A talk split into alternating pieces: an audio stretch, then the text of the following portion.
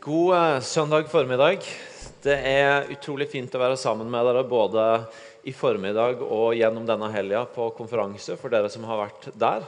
Eh, for du som er gjest, så heter jeg Grelling og er en del av pastorteamet her på huset. Sitter her med Martin, som også er pastor i IMI. Og eh, Vi fant ut når denne helga, ettersom denne helga nærma seg, og vi reflekterte over hva som denne helga kom til å bringe, at vi hadde lyst til å bruke denne formiddagen ikke så mye på en ren undervisning, men på mer å reflektere litt sammen over det vi har møtt. Og, og begynne å bygge en bro fra en konferanseerfaring til det livet som vi skal ta med oss videre. Um, og um, Martin, for å begynne denne helga, hva har den betydd for du? Mange ting. Det er klart det gjør inntrykk når vi er ca. 800 mennesker her i IMI fredag og lørdag. Eh, det starter med en fagdag på Misjonshøgskolen med nesten rekordpåmelding med 250 eh, deltakere. Så sier det noe om eh, et engasjement, en opptatthet, med en bibelsk og et verdensbilde som kanskje er litt annerledes enn det vi normalt sett lever med. To ting opplever jeg gjør inntrykk på meg. Det er tyst. Én ting er interesse på et tema som, som det er en generell interesse for. Men, men, det å møte mennesker som er tyste på å skulle trenge inn i og bli en del av Mange har lest Bibelen, men stiller seg spørsmål hvordan kan hvordan kan mitt liv bli justert til en bibelsk virkelighet, og ikke et liv som på et vis preges og styres av denne verdens type virkelighet? Så, så det er det ene å møte tørst i folk sine liv. Det andre som har gjort inntrykk på meg, det er faktisk ordet fra Romerbrevet kapittel 8, hvor det står at hvordan kan Gud la være, står det i slutten. Hvordan kan Gud la være å gi oss alle ting med ham? Altså Det Jesus representerte inn i denne verden, er det nesten som han sier det er det jeg vil at menigheten skal ha, leve i og leve ut. Så de to tingene har jeg tatt med meg og gleder meg over. Fantastisk. Jeg har også egentlig bare lyst til for min egen del å si at hvis jeg skal sånn personlig koke det ned til hva betyr denne helga for meg, så er det som du sier, tørsten eller sulten. At det å få være sammen med dere, det å få tilbe sammen, det å få høre undervisninga, det å se det Gud gjør, det merker jeg blir sulten på mer. Jeg har lyst til å bli bedre kjent med Jesus. Jeg får lyst til å erfare mer av den han er i mitt liv. Eh, og eh, lengter etter å se ei bro bygd fra denne helga og ut i hverdagen. Og så hadde vi lyst til Martin, å bruke noen minutter eller nei, la meg si det først. Den andre tingen fra, fra denne helga som er å, å, gjøre et inntrykk på meg, det er dere som er gjester hos oss denne helga, som kommer fra andre steder i landet snakka med Oddvar rett før uh, gudstjenesten her. Sier at vi er elleve stykk fra Grimstad. Truffet Bjørn og Bergljot fra Oslo, som i hvert fall var der. Peter fra Bergen. Sigmund og gjengen fra Vegårshei. Mange venner fra andre steder i landet som, som bærer med seg en lengsel for å se et liv eh, tas ut til landet vårt. Og det, det, er utrolig kjekt å få være en del av og kjenne at vi er mange som hører sammen. Og så hadde vi lyst til å gi litt fokus denne formiddagen. for noe av det, Vi har hatt Randy Clark her, og noe av det Randy er kjent for, og som har på en måte fulgt hans uh, undervisning og praksis, særlig også i helga, det er bønn for syke, uh, helbredelse. Og uh, det, det, er et tema som for noen er uvant, som på vårt hus etter hvert er noe vi har holdt på med og hatt som et fokus lenge. Vi har rett og slett lyst til å bruke litt tid i formiddag på å reflektere over, over det og hvordan det ser ut i vårt menighetsliv og i våre hverdagsliv. Og, og et sted å begynne det, det, er rett og slett bare å stille spørsmålet Hvorfor gir vi så mye plass til dette i IMI? Hvorfor, hvorfor, inviterer vi inn talere som underviser oss om å be for syke? Hvorfor, hvorfor, snakker vi om det i gudstjenesten? Hvorfor er vi så opptatt av å dele vitnesbyrd om det og ha helbredelsesrom? Og vi, vi, vi snakker mer om det enn mange andre. Og, og, For min del så tenker jeg at et, et, nøkkelvers som det koker ned til, det finner vi i Apostlenes gjerninger 1038, som har vært et kjempeviktig vers for oss lenge her i menigheten. Hvor, hvor det står om Jesus at Jesus fra Nasaret ble salva av Gud med hellig ånd og kraft. Og Han gikk omkring overalt og gjorde vel og helbreda alle som var underkua av djevelen, for Gud var med han. Han gikk omkring overalt og gjorde godt, og helbreda alle som var underkua av djevelen. Dette var noe av kjennetegnet på Jesu liv. Det var ikke bare sånn et par episoder i løpet av evangeliene hvor Jesus helbreda, men når en skal omtale Jesu liv, så ser han han gikk omkring overalt og gjorde godt, og så helbreda han alle de som kom i hans vei. Og det, vi, Som kirke så er vi meint å være Jesu kropp i vårt, vår by, i vårt land, i 2016. Og, og det utfordrer oss på hvordan den sida av Jesus, som var så, så, i fokus i hans liv Han forkynte, og så helbreda han. Eh, og, og, og, så syke blir friske. Hvordan kommer det til uttrykk i våre liv lenge etterpå? Og eh, eh, Vi lever i en del av verden hvor det, hvor det er mange steder at, at, vi er fattige på erfaringer rundt det. Hvor vi har snakka lite om det. Hvor det hvor det ikke har vært en så naturlig del av livet til menigheten. Og, og, vi ønsker å løfte det opp igjen. Vi tror at det er en naturlig del av det å være Jesu kropp i vår tid, i vårt land, i vår by. At vi ber for syke, og at vi ser Jesus helbrede mennesker. Og, og så er det en annen tekst som har vært viktig for meg og for oss. Matteus 4, hvor det står om Jesus ganske tidlig at ryktet om han spredde seg over hele Syria. Og de kom til han med alle som hadde vondt og led av forskjellige sykdommer og plager. Både de som hadde onde ånder, de månesyke og de lamme, og han helbreda de. De kom til han med alle som hadde vondt og led av forskjellige sykdommer. Og Det er nok et hjerteslag for oss. Er kirka i dag et sted folk kommer til hvis de er syke? Ehm, vi er kjempeglade for alt vi har av medisinske tilbud. og vi, vi, vi, er aldri i nærheten av å oppfordre folk til å ikke bruke det. Bruk det. Men, men, vi tror at kirka også skal få være et sted å komme når man er syk. Og vi ser at vi lever i en tid hvor når kirka ikke stiller opp på det, så går folk heller andre steder. Så blir det alternativmesser og nyreligiøsitet. Og så og så glipper vi, så mister vi noe av det som skulle være vårt mandat i verden. Og eh, gjorde inntrykk på meg når jeg traff Lars Rune, som vi skriver om i eh, den boka jeg ikke hadde her nå, eh, eh, til stede, som du også finner i bokkiosken etterpå. En helt vanlig mann, ingeniør her fra byen, som opplever sykdom i nettverket sitt, og som ser hvordan de, menneskene ender opp på alternativmesser og andre steder, og at kirka ikke har noen ting å tilby. Og Så blir det en smerte for han som leder han til å reise med Randy Clark, bli utrusta til å be for syke, og i dag fortsette å jobbe som ingeniør, men samtidig har sett mange mennesker bli helbreda fordi han har begynt å be for syke. Og Vi ønsker å reise opp kirka igjen til det. Det er noe av drømmen vår.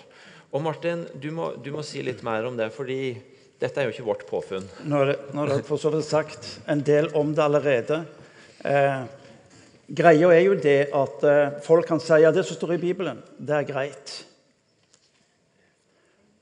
Og så er det bare dette at eh, vi, vi, ser bakover i tid, mens eh, tvilen og skepsisen er det som får lov til å rå grunnen. Det er også eh, sterke og flinke teologer som sier alt som hadde med, med Jesu undergjerninger å gjøre, de opphørte med, med apostlene. Det, det, var den første kristne kirka. That's it. Og så, og så ble det en del av eh, folks forståelse av hva kirka skulle være. Eh, folk opplever ikke noe, og så skaper det en type eh, teologi altså vi, vi, vi, har en teologi som faktisk tar utgangspunkt i det som ikke skjer. Og så blir det det vi forkynner fram i våre miljøer. Eh, når Bibelen taler konkret om, om, hvordan Jesus griper inn og forandrer mennesker sitt liv 25 av Nytestamentet av, evangelieberetningene er faktisk om undergjerninger. Så, eh, så skjer det at eh, folk åndeliggjør det. Og så, og så istedenfor å være nær det som Jesus utfører og gjør, så åndeliggjør vi det, og så overfører vi det. Eh, vi sliter rett og slett med å, med å, komme til rette med en bibelsk virkelighet. Og Derfor så blir eh, disse helgene vi har, veldig viktige for oss. En dansk eh, professor i teologi, Johannes Aager, han sa det slik at er det en forbindelse mellom tomme kirker og overfylte sykehus? Eh, hvis du og meg skal inn i vår tid være relevant med den bredden som evangeliet tar oss inn i, så må vi rett og slett gå til Bibelen og spørre Jesus, hva var det du gjorde. Hva var det som gjorde deg attraktiv? Og så vil vi oppdage at når vi leser gjennom eh, både evangeliene, kirkehistorien og inn i vår tid, ja, så oppdager vi jo nettopp at det er en bredde i evangeliet. Hvis vi, hvis vi, bruker noen minutter rett og slett å se på for at Guds ord, altså troen, kommer av forkynnelsen og det Bibelen sier at det som står i mitt ord, det ønsker jeg å se virkeliggjort i ditt liv og i menigheten sitt liv. Så leser vi at det Jesus gjør fra tidlig begynnelse, det å trene disiplene. En har sagt det slik at uh, rett lære vil gi rett liv. Nei. Rett lære er ikke garanti for rett liv. Fordi det er noe mellom, det er en bro mellom rett lære og rett liv. Og det var dette Jesus tok de inn i. Han ga de ordene, og så ga han de praksisene ved at han modellerte. Hvis ikke du og meg får lov til å lære av, gå med, ja, så kan vi faktisk parkere i rette standpunkt og synspunkter. Og så opplever vi at livet vårt faktisk ikke blir preget av det samme. Jesus står der i Matteus 10, eh, vers 1. Han kalte til seg sine tolv disipler og ga dem makt til å drive ut urene ånder urene ånder og helbrede alle sykdommer og plager. Altså, Jesus tar de inn i sin virkelighet. Gjennom tre år tar Jesus de inn i sin virkelighet. Når dere kommer, sier han, inn i en by, og de tar imot dere, så spis det de setter framfor dere, og så sier han, og helbred de syke. Det var et fokus han gir dem, som er at underveis vær god mot alle, men helbred de syke. Det var, en, det var, et mandat han ga dem. Det var en måte å forholde seg til virkeligheten som var så konkret at eh, det hadde konsekvenser. Og så skal dere si Guds rike er kommet nær til dere. Denne verden eh, har en lengsel etter å møte det som er annerledes. Det mest tragiske som skjer, det er hvis Kirka justerer sitt liv til denne verdens forventninger. Vet du hva? Vi må hjelpe verden til å stille nye spørsmål, og det gjør vi. Når vi våger som disiplene sier, vet du hva? Guds rike er kommet nær til dere. Og så sier han avslutningsvis Hør nå. Nå forlater jeg dere. Men det jeg har lært dere, det skal dere ta med dere videre. Det er en interessant beretning i Lukas evangeliet, kapittel 7. Johannes døperen sitter i fengsel. Og så er spørsmålet fra han til Jesus er du den som skal komme, eller skal vi vente på en annen. I dag er det mange som spør Kirka er, er det kirka vi skal forholde oss til, eller skal vi forholde oss til noe annet. Og så leser vi hva Jesus sier til, sine, eh, disipler, nei, til Johannes sine disipler. Og Vi leser i Lukas evangeliet kapittel 7. Det er uhyre interessant fordi han sier Johannes, hør. Dette er det dine disipler og denne verden ser og hører.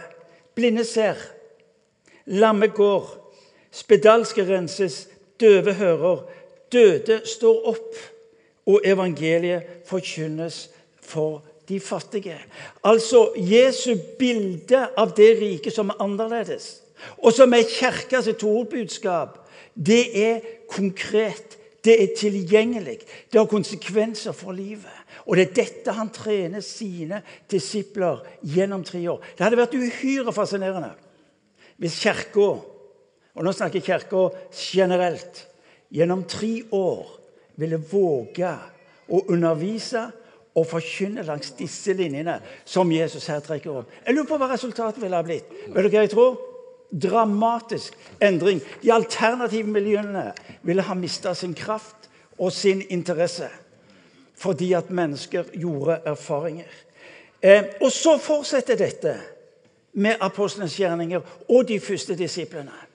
Men det vi ikke er klar over, det er at når de første disiplene, som du leser om i apostlenes gjerninger, så fortsetter jo denne linja.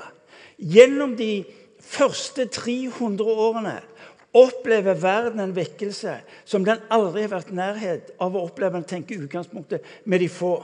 En, en professor i historie ved Yale-universitetet i USA som i 2001 ble utnevnt til å være den fremste dalevende, eh, dalevende historiker og kjenner på romersk historie, han sier sitat Hovedårsaken til at Rom ble konvertert til kristendommen, var pga. helbredelsene, og da spesielt eh, demonutdrivelsene. Dette fulgte Kirka de første 300 årene. Det første hundreåret så var det 100 000 kristne. I løpet av de neste 200 årene vokste kirka fra 100 000 til 28 millioner. Denne verden har ikke sagt nei til det som har med Guds rike å gjøre, men de vil ha tak i det som dette Guds rike representerer. Og Derfor så blir det uhyre viktig for oss, og derfor vektlegger vi dette også i IMI, nemlig å gi folk et møte med en virkelighet som vi tror er en bibelsk virkelighet. Så er fordi spørsmålene kommer ja, men hør Martin, Én eh, ting er de første 300 årene. Hva med vår tid? Hvis du går eh, gjennom kirkehistorien, så vil du oppdage at kirkefedrene igjen og igjen henviser til Guds overnaturlige inngripen. Det er et faktum i vår tid, når vi ser den pinsekarismatiske vekkelse, som fra 1906 til 200, 2006 vokser til 700 millioner eh, kristne, så er nøkkelen eh, under tegn og mirakler. Når vi kan i Jesuskirken, hvor eh, NMS og Misjonssambandet var sentrale i, i Etiopia, vil fortelle at en av hovedårsakene til en vekkelse som Afrika sjelden har sett maken til, så sier de igjen og igjen ja, men det er fordi Gud grep inn. Jeg husker jeg møtte en av lederne under Oase i 1994. og Vi spurte han hva er forklaringen på vekkelsen. sa han, ja, men det skyldes jo under, tegn og mirakler. Og så sier han litt sånn Du skjønner det, sa han, vi har ikke sykehus hos oss. Ja, Hvor mange blir helbreda da? Ja, Mellom 70 og 80 av de vi ber for. Gud har ikke gått ut på dato. Gud har ikke trukket seg tilbake. Men det bibelske vitnesbyrd har han gitt oss å forvalte, formidle på en slik måte at mennesker eh, kan få lov til å tro i det. Så skyldes vår tilbakeholdenhet i mange miljøer skuffelsene. Vi ba, og det skjedde ikke. Vi hadde opplevelser, og vi mista frimodigheten. Eh, men hva gjør vi da? Hva lærer vi eh, av de rundt oss når det gjelder forholdet til å skulle be for syke, og ting ikke skjer? Eh, Chris Gore, eh, lederen for Battle Church i, i USA sin helbredelsessenter, han sier det er tre ting jeg ikke gjør, og så er det én ting jeg gjør. Hvis en jeg ber for, ikke blir frisk, så, jeg, så lar jeg ikke den syke få skylda. Jeg tar sjøl ikke skylda, og så gir jeg ikke Gud skylda. Det kalles for helgardering. Men det sier noe om hvor jeg legger troen, tilliten og tryggheten. Men det er én ting jeg gjør. Og det er at jeg går inn i Guds nærvær og sier Jesus, hjelp meg til å se og forstå dette som du ser og forstår dette. Og Det er Imi kirka sin tenkning og om du vil teologi på dette. Vi legger ikke skylda noe sted, men vi er frimodige på å ha to tanker samtidig. Fordi vi ser hvordan Gud griper inn. Nydelig.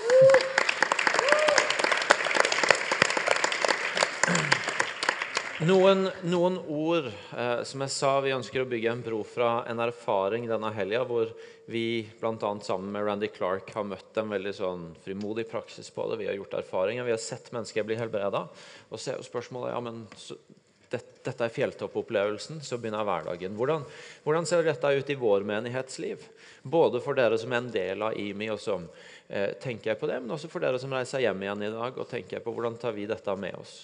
Eh, Bønn for syke har vært en naturlig del av vårt liv i mange år. Eh, jeg, jeg har vært her i jeg, huske, jeg, tror det er ni år. Eh, og, og, og, det har vært det lenge før det. Men samtidig så var det et skifte i 2007, når vi møtte eh, Bill Johnson på en konferanse i England og, og, møtte en praksis og en frimodighet på dette som utfordra oss til å ta dette videre. Eh, og Når vi i dag ser på noe av det som har vokst fram, så, så er for det første det er naturlig for oss at det å be for syke og det å snakke om det, det er en naturlig del av gudstjenestelivet vårt. Vi vil dele vitnesbyrd i gudstjenestelivet. Vi vil, når vi inviterer til forbønn på hver gudstjeneste, spesifisere at, at uh, vi uh, gjerne ber for de som er syke eller har smerter. Og vi uh, vil ofte dele kunnskapsord som går på spesifikke invitasjoner til noe vi tror Gud ønsker å handle inn i akkurat i dag. Sånn at Fellesarenaen vår er en arena hvor det er naturlig at her ber vi også om helbredelse og ser helbredelse skje. Så så har vi samtidig skapt, sett gjennom de siste årene en arena vokse fram som er veldig spesifikt dedikert til å be for syke. Vi, vi har helbredelsesrommet nå hver lørdag, eh, så å si gjennom hele året, med noen sånn få opphold i ferier. Eh, hvor hver lørdag 10-12 så er det åpent. Det er lovsang, og det er forbedere som står klare til å be for folk. Og Vi ser i løpet av et år at mellom 1000 og 1500 mennesker kommer inn og ønsker å bli bedt for. Mange kommer igjen og igjen. Noen kommer reisende fra andre steder. Veldig mange som kommer, har i utgangspunktet ikke en aktiv kirketilhørighet. Men, men oi, her var det jo en arena hvor jeg kunne komme til kirka og bli bedt for. Og Vi ser mennesker bli helbreda. Eh, vi ser stort sett hver gang når jeg leser rapporten fra helbredelsesrommet, så leser jeg om at eh, mennesker har blitt helbreda, og, om at mennesker på ulike vis er blitt berørt og har fått eh, fått et møte med Gud. I tillegg så har vi i mange år hatt en praksis på å være ute i byen vår og be for syke. I perioder så har staben vært ute. Eh, hvert år så er det en del av eh, livet til eh, Akta at de er ute og ber for syke. Sett både mennesker bli frelst og mennesker bli helbreda, senest denne høsten når de har vært ute. ikke sant? Og, og, og, det er en del av livet. Og så er det samtidig, det som er utrolig viktig for oss, er at det er noen av de arenaene vi gjør sammen. Og så sier vi at det vi gjør organisert, det er samtidig treningsarenaen for at vi kan ta det videre. For at vi kan finne det mer og mer trygt, og at vi kjenner oss frimodige på at når noen i familien, når naboen, når kollegaen og vennen har en smerte eller en sykdom, så er det naturlig for oss å spørre kan jeg få be for det. Kan jeg, få, kan, jeg, jeg, tror på en Gud som kan helbrede. Kan jeg få be for det? Og, og, Det er noe av det som er nydelig, å høre historien om at det livet også leves. At det også er blitt en del av, uh, av hverdagen til mange her. At, at, at det, er natur, det, er et naturlig spørsmål å stille. Og det er en naturlig ting å tenke på. Kan vi få be for det? Når du ser at noen har vondt, eller hører at noen er syke. Um, gjennom denne prosessen så er det noen ting som vi har lært. og Jeg har lyst til å helt kort bare dele noen av de tingene som jeg tror kan være til hjelp for oss alle når vi søker etter å se nye steg. For det første så har vi lært noe om å ikke la oss styre av resultatene, men av frimodigheten på at dette er noe Jesus vil og kan gjøre. Nesten alle vi har møtt som har lært oss noe om å be for syke, og som sjøl har hatt en tjeneste på det, har hatt en historie om hvor mange ganger de ba, og ingenting skjedde, før noe begynte å skje. Det er en del av reisen ofte å holde fast fordi om en ikke ser resultater med en gang. Og Det har vært vår reise også, og fortsetter å være en del av reisen. At vi må, vi må våge å stå i det, uavhengig av om, når vi ser gjennombruddet. Det andre som har vært viktig for oss, og som vi ofte har sagt til hverandre, det er at vi tror på prinsippet i Bibelen om at når vi er tro i det små, så vil Gud åpne større ting for oss. Vi, vi, ser, vi, tenker ikke smått om at et kne blir helbreda, en, en rygg blir helbreda, en forkjølelse for den del. For det om vi vet at det er mange langt alvorligere diagnoser og større smerter.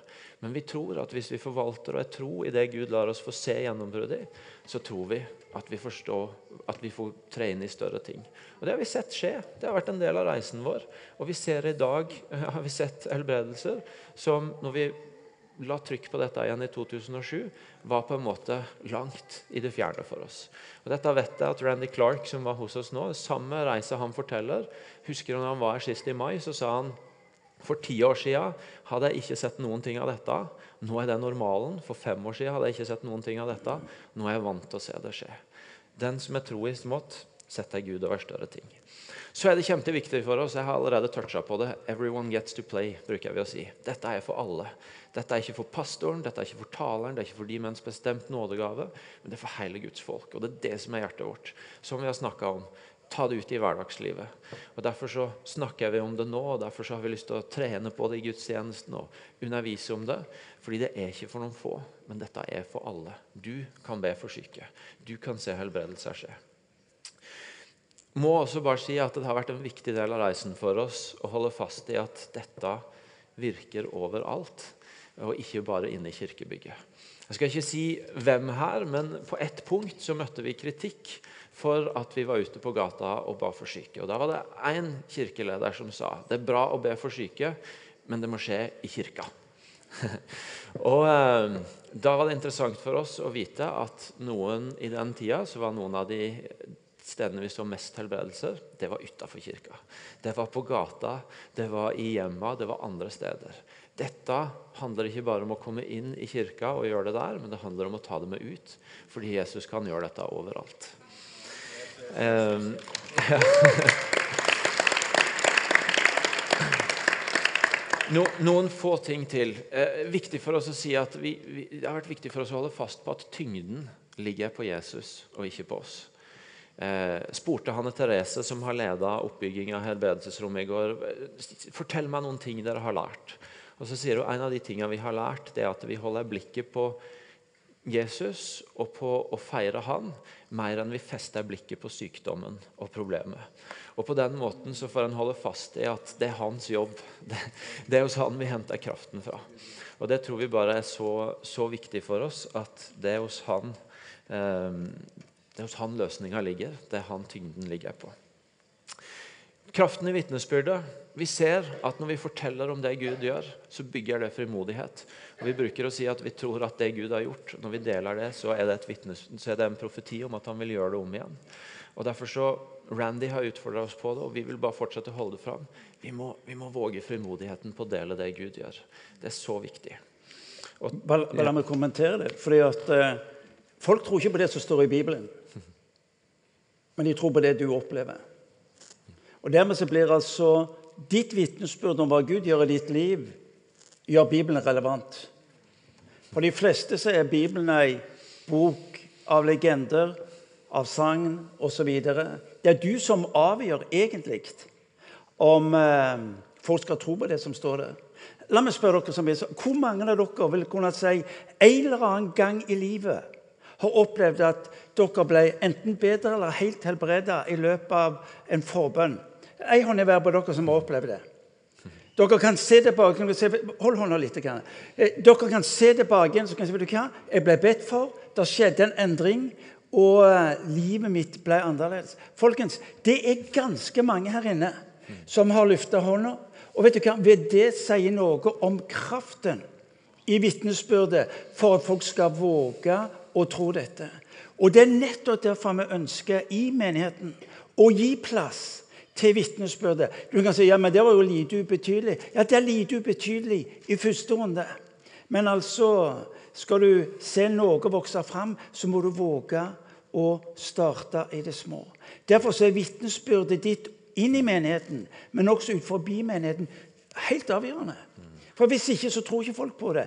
Altså, Jesu tjeneste ville sannsynligvis ha vært vesentlig amputert om det ikke hadde skjedd det som står, nemlig ryktet om han gikk ut til hele Judea og Samaria. Og så kom folket. Eh, ville det vært sånn at når du og jeg begynner å snakke om hvor vi fikk hjelpen, så vil de som ikke har noe med Gud å gjøre, de vil komme. Du og meg har en unik mulighet til nettopp å se at vitnesbyrdet skaper tro. Du må gjerne be for folk, men nå skal du høre noe satt på spissen. Det er ikke din bønn som primært beveger folk, men det er vitnesbyrdet om hva Gud har gjort i ditt liv. Det er det som skaper tro, det er det som skaper frimodighet på å begynne en type vandring. Eh, og Derfor så har vi hatt ønske med denne sesjonen i dag det er rett og slett å stoppe opp for hvorfor gjør vi det vi gjør. I undervisningen, i praksisene våre, med konferansene våre? Jo, det er jo nettopp å hjelpe hverandre til å erfare, men ikke minst få lov til å se at vitnesbyrdet er med på å brøyte vei for evangeliet. Vi har noen få minutter igjen, og vi, vi, vil ikke miste anledningen til å rett og slett Jesus, vil du hjelpe oss til på en ny måte å forholde oss til denne din virkelighet? Min utfordring til dere er at når du leser evangeliene ta for deg, eh, Vi begynner nå å lese Johannes evangeliet eh, fram til sommeren i menigheten. Les evangeliet og les hva er det Jesus gjør. Og Hver gang du ser han gjør noe av det overnaturlige, så ligger der en klar, klar melding. vet du hva? Dette er det du skal gå inn i. Eh, Randy sa det slik at, at kristne har tro til å tro tilgivelsen. Men de våger ikke troen på Guds rikes overnaturlige nedslag. Hør nå, det er det denne verden lengter etter. Det er det som skjer i den eh, verden utenfor den såkalte vestlige verden. Der eksploderer det. Du og meg inviteres til å være en del av det samme. La oss reise oss og la oss eh, eh innenfor Guds ansikt spørre hva gjør jeg med dette Bibelens vitnesbyrd som vi her har. Eh, vi har avtalt med ungene, Ann Ingel, har vi ikke det?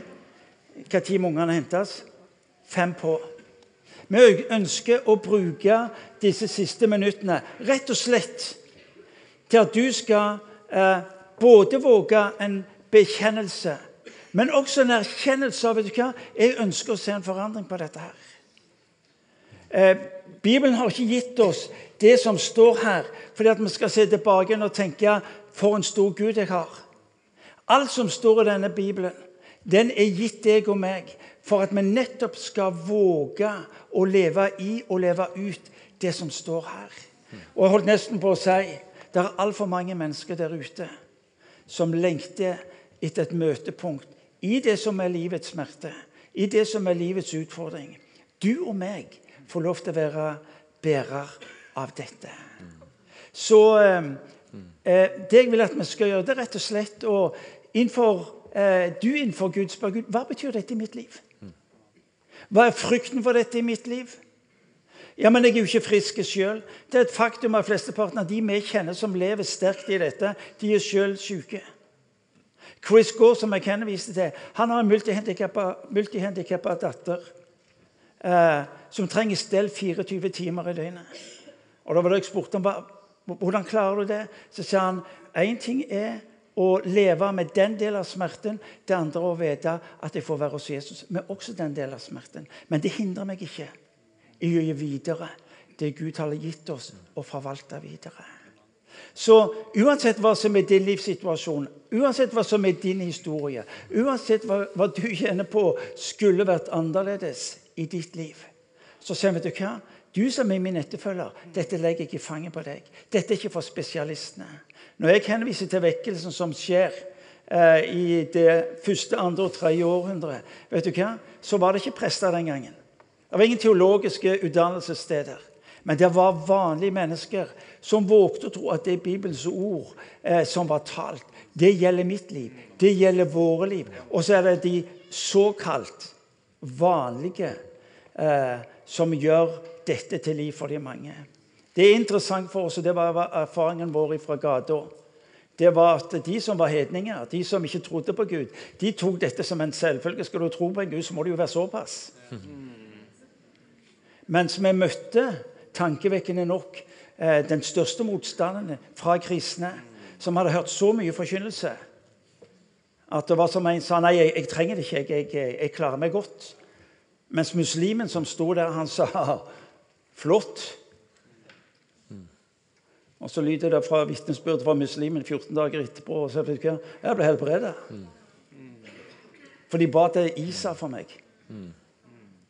Eh, du og meg inviteres fordi vi som menighet ønsker å være et sted hvor mennesker vet vet du hva, her kan vi gå. Og vi ønsker å være et sted hvor mennesker kjenner her blir vi møtt på en måte eh, som er god, og som er rett.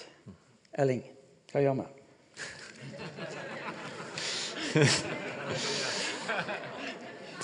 La oss eh, rekke ut hendene og be sammen.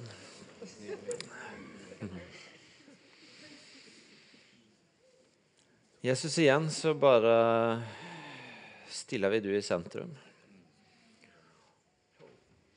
Og bekjenner at vi, vi, vi lengter etter at det som er ditt liv og var ditt liv når du gikk her på jorda, skal forfølge oss.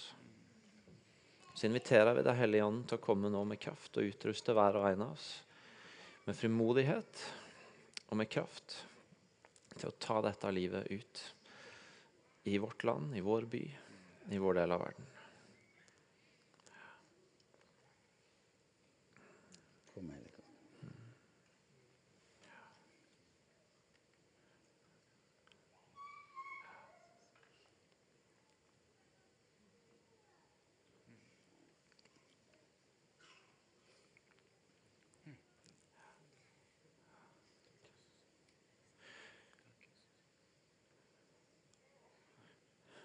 Det vi gjør nå, er at vi står sammen og vi tar imot fra Den hellige ånd. Og så bekjenner vi sammen med en enkel, et, et, en, en enkelt refreng nå at vi ønsker å se Jesus som sentrum. Og så spør vi han om hva, hva betyr dette for mitt liv. Ber vi han om å snakke til oss, utruste oss og lede oss. Så skal vi be for hverandre når vi, når vi har sunget sammen. Men la oss først bare og en av oss snakke med Jesus og be han utruste oss.